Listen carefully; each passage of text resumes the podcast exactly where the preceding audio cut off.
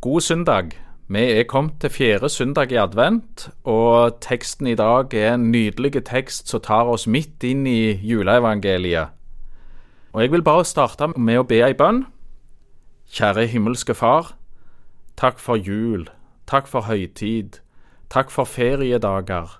Takk for uh, budskapet fra himmelen. Jesus, hjelp oss å se og finne den freden som juleevangeliet kan gi oss, som enkeltmennesker, som, eh, som forsamlinger, som land, som folk. Kom til oss med din fred. Amen.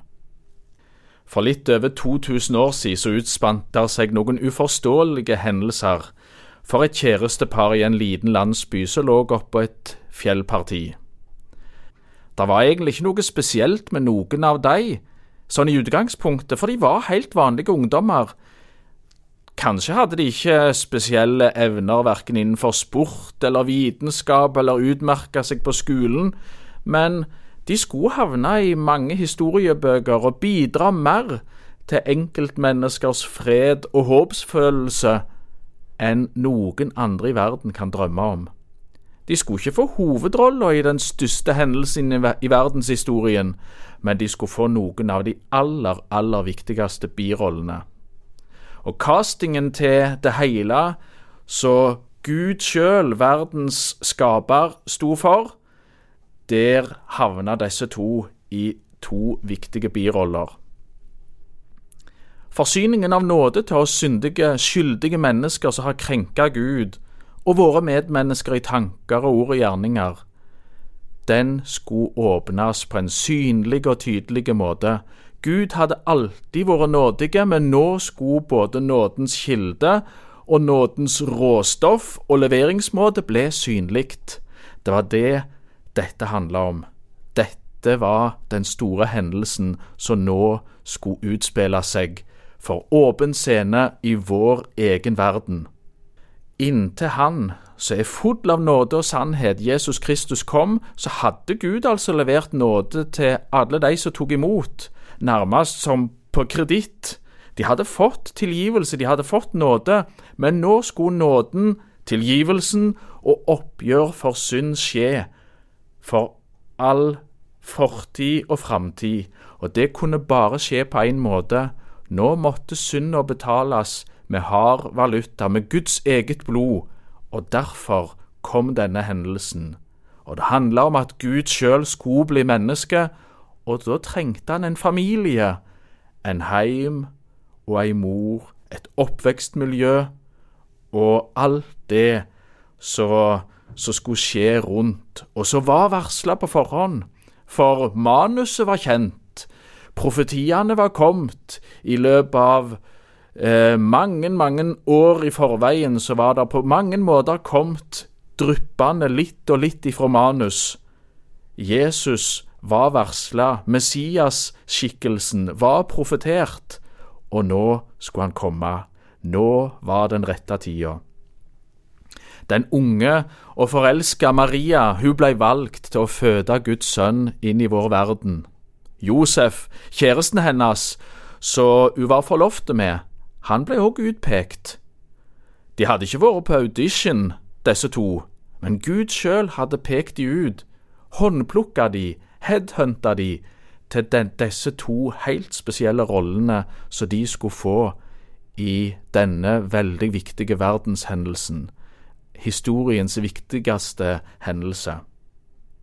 Det må ha vært opplevd dramatisk for dette unge kjæresteparet, men de takker ja til oppgaven. Men det må nok ha gitt de mange tanker og mye uro og ubesvarte spørsmål, og det kan ikke ha vært lett for forholdet deres. Men det er så nydelig å lese hvordan Gud sjøl tar seg av disse to, så han utpeker og kaller, og så stiller seg villige.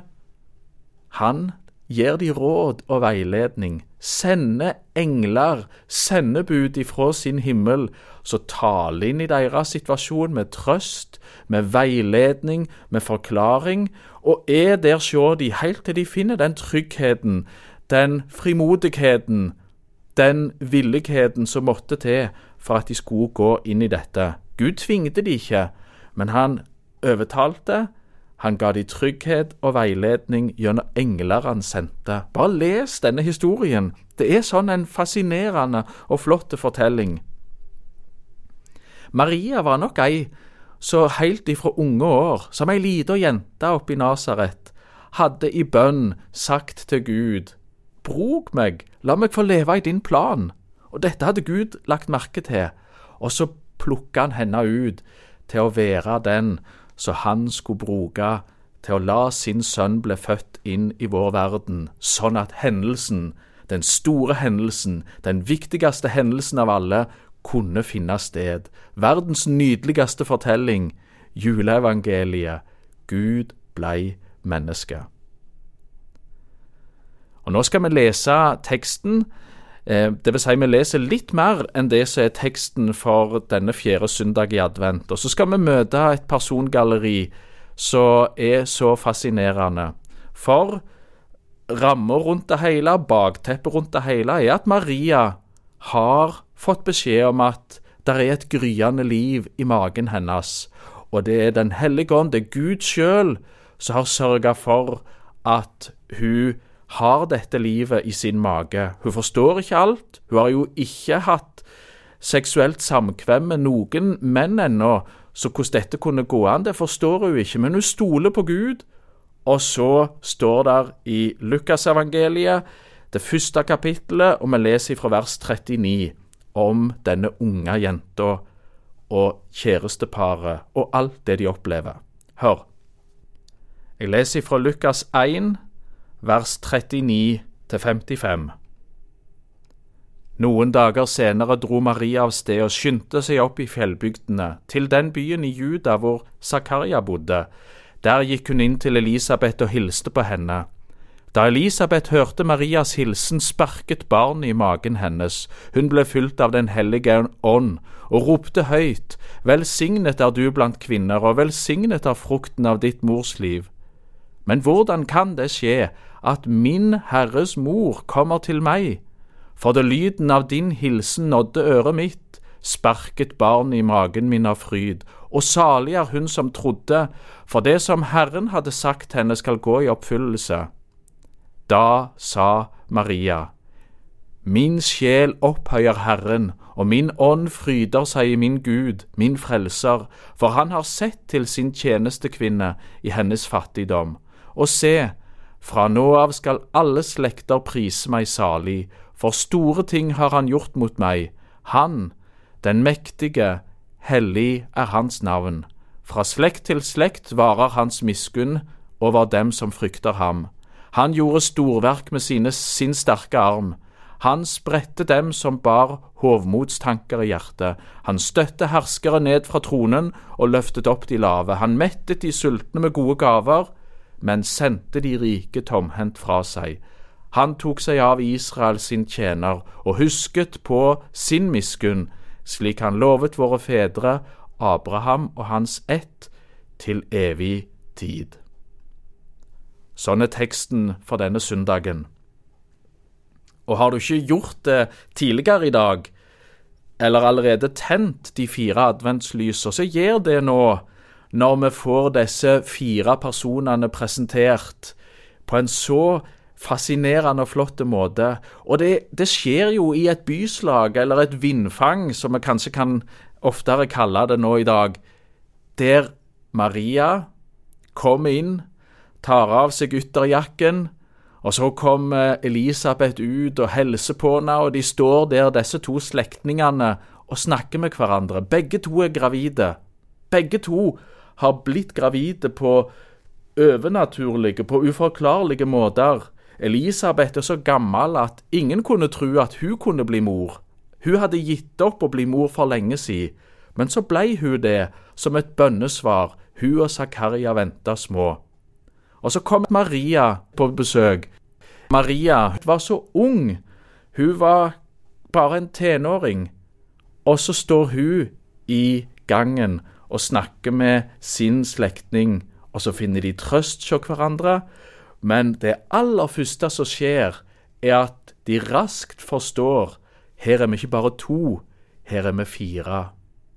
For Elisabeth bærer døyperen Johannes i sin mage. Hun er seks måneder på vei. Det er synlig og tydelig for alle at gamle Elisabeth venter barn, og folk er overraska. Maria er nylig blitt med barn, så det er det ikke så mange som vet.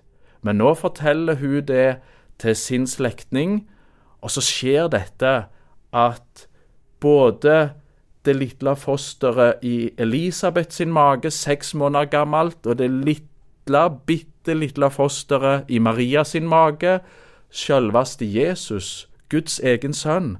Disse to melder seg òg, og vi får både livstegn og jubel og lovsang ifra de to. Og Maria hun får rett og slett for, forklart ifra Elisabeth at Elisabeth klarer å kjenne at hennes seks måneder gamle foster i magen Hun er seks måneder på vei. Johannes, som hun bærer i sin mage, han jubler av fryd. Han beveger seg. Han lager bevegelse så mor kjenner det. Fosteret, barnet, sparker og fryder seg. Jesus er kommet. Verdens frelser er kommet. Himmelen har sett oss. Gud sjøl, vår skaper, har sett oss. Redningsaksjonen er i gang. Verdens største hendelse har begynt å utspille seg i vår verden. Og Johannes klarer ikke dy seg. Han er ennå ikke født engang, men han jubler og lovsynger og priser Gud i himmelen. Håpet verdens frelser er kommet. Så det er fire stykker som står der i byslaget, i gangen, i vindfanget i entreen, og nesten har samtale, kommunikasjon mellom hverandre. To kvinner og to foster. Guds hendelse er i gang. Og så står hun der, Maria, den unge jenta, tenåringsjenta, som hadde gitt signal til himmelens Gud. Jeg vil leve i din tjeneste. Hun hadde tjener sin. Hun hadde sagt seg villige. Og så er det sånn i dag òg, at selv om den store hendelsen utspant seg for 2000 år siden, med både jul, med den store påskehendelsen som skulle skje 33 år seinere, og med pinsedag og med Kristi himmelfartsdag, alle disse hendelsene og høytidene som vi feirer i dag, og så er en del av Guds store hendelse med å gi håp og frelse og tilgivelse til oss mennesker. Selv om den er ferdige, frelsen er fullkommen, nåden bare veller fram imot oss, hver eneste en, for vi har funnet nådens kilde, Jesus sjøl. Vi har forstått at hans kors var nødvendig for at vi skulle få nåde. Så kaller altså Gud oss, ikke bare Maria, ikke bare Elisabeth, men han kaller oss, deg og meg i dag, vi som kjenner Jesus, vi som har samme jubel og glede over at han har frelst oss. Han kaller oss til tjeneste. Han spør oss i dag, har du tjener sin, vil du gå? Jeg trenger noen jeg kan sende. Gud sjøl spurte en gang profeten, hvem skal jeg sende, hvem skal gå for meg, hvem skal bære mitt budskap, jeg trenger mennesker. Og så sa Jesaja, jeg vil gå, Herre, her er jeg, send meg. Og så gikk Jesaja. Og så brukte faktisk Gud Jesaja til å varsle at Jesus skal komme, jomfrua skal bli med barn.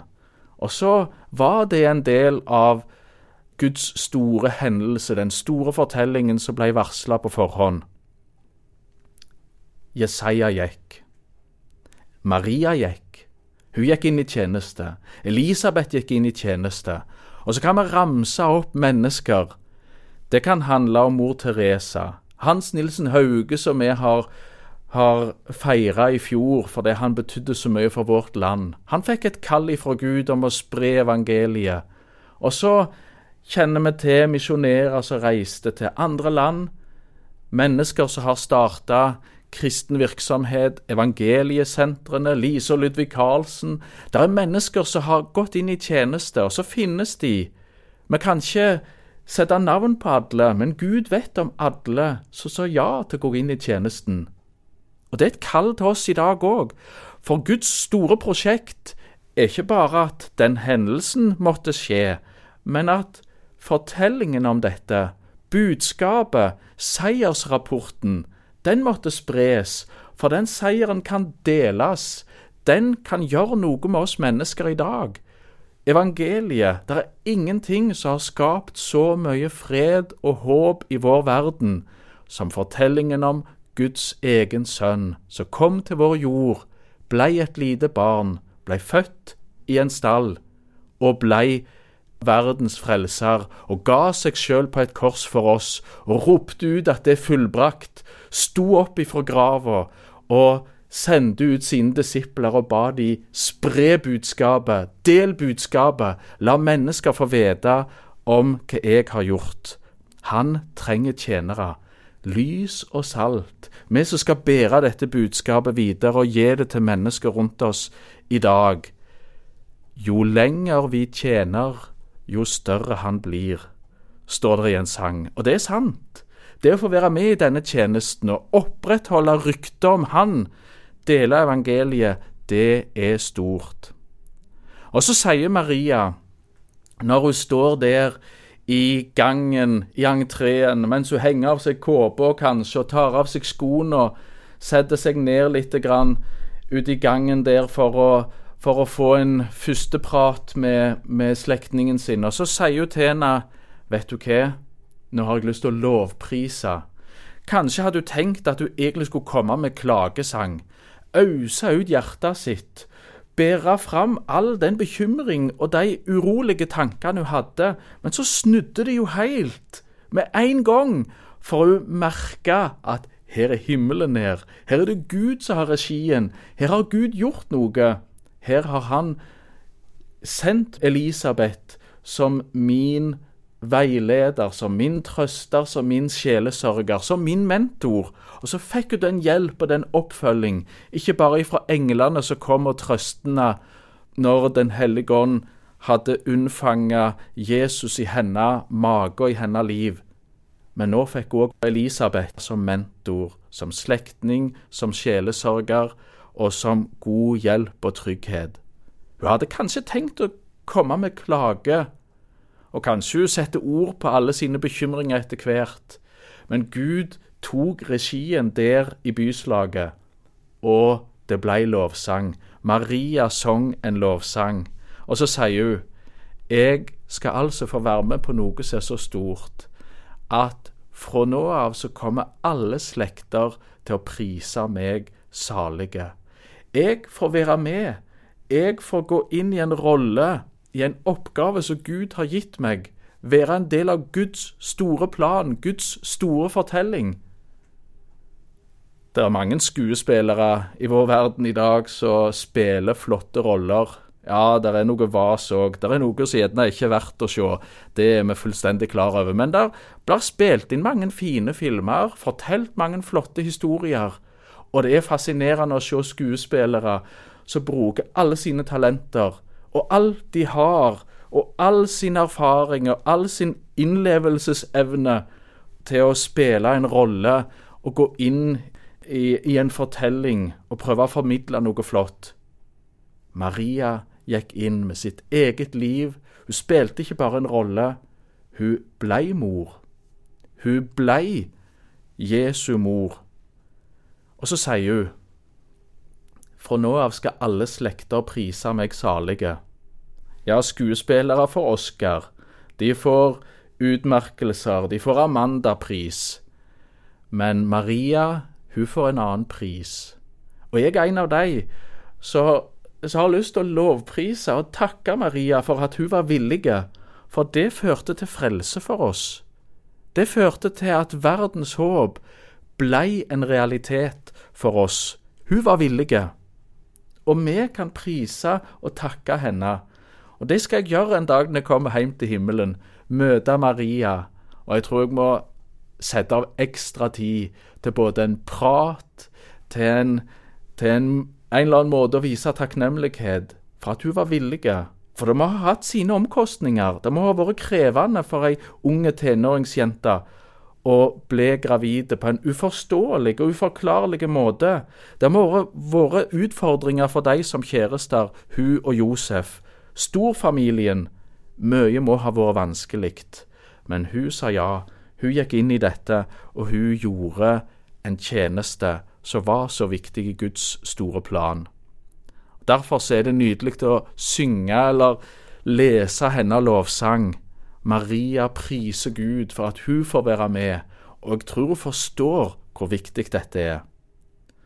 Og så har jeg lyst, bare avslutningsvis i, i denne andakten, å ta oss med til noe som skjer litt etterpå.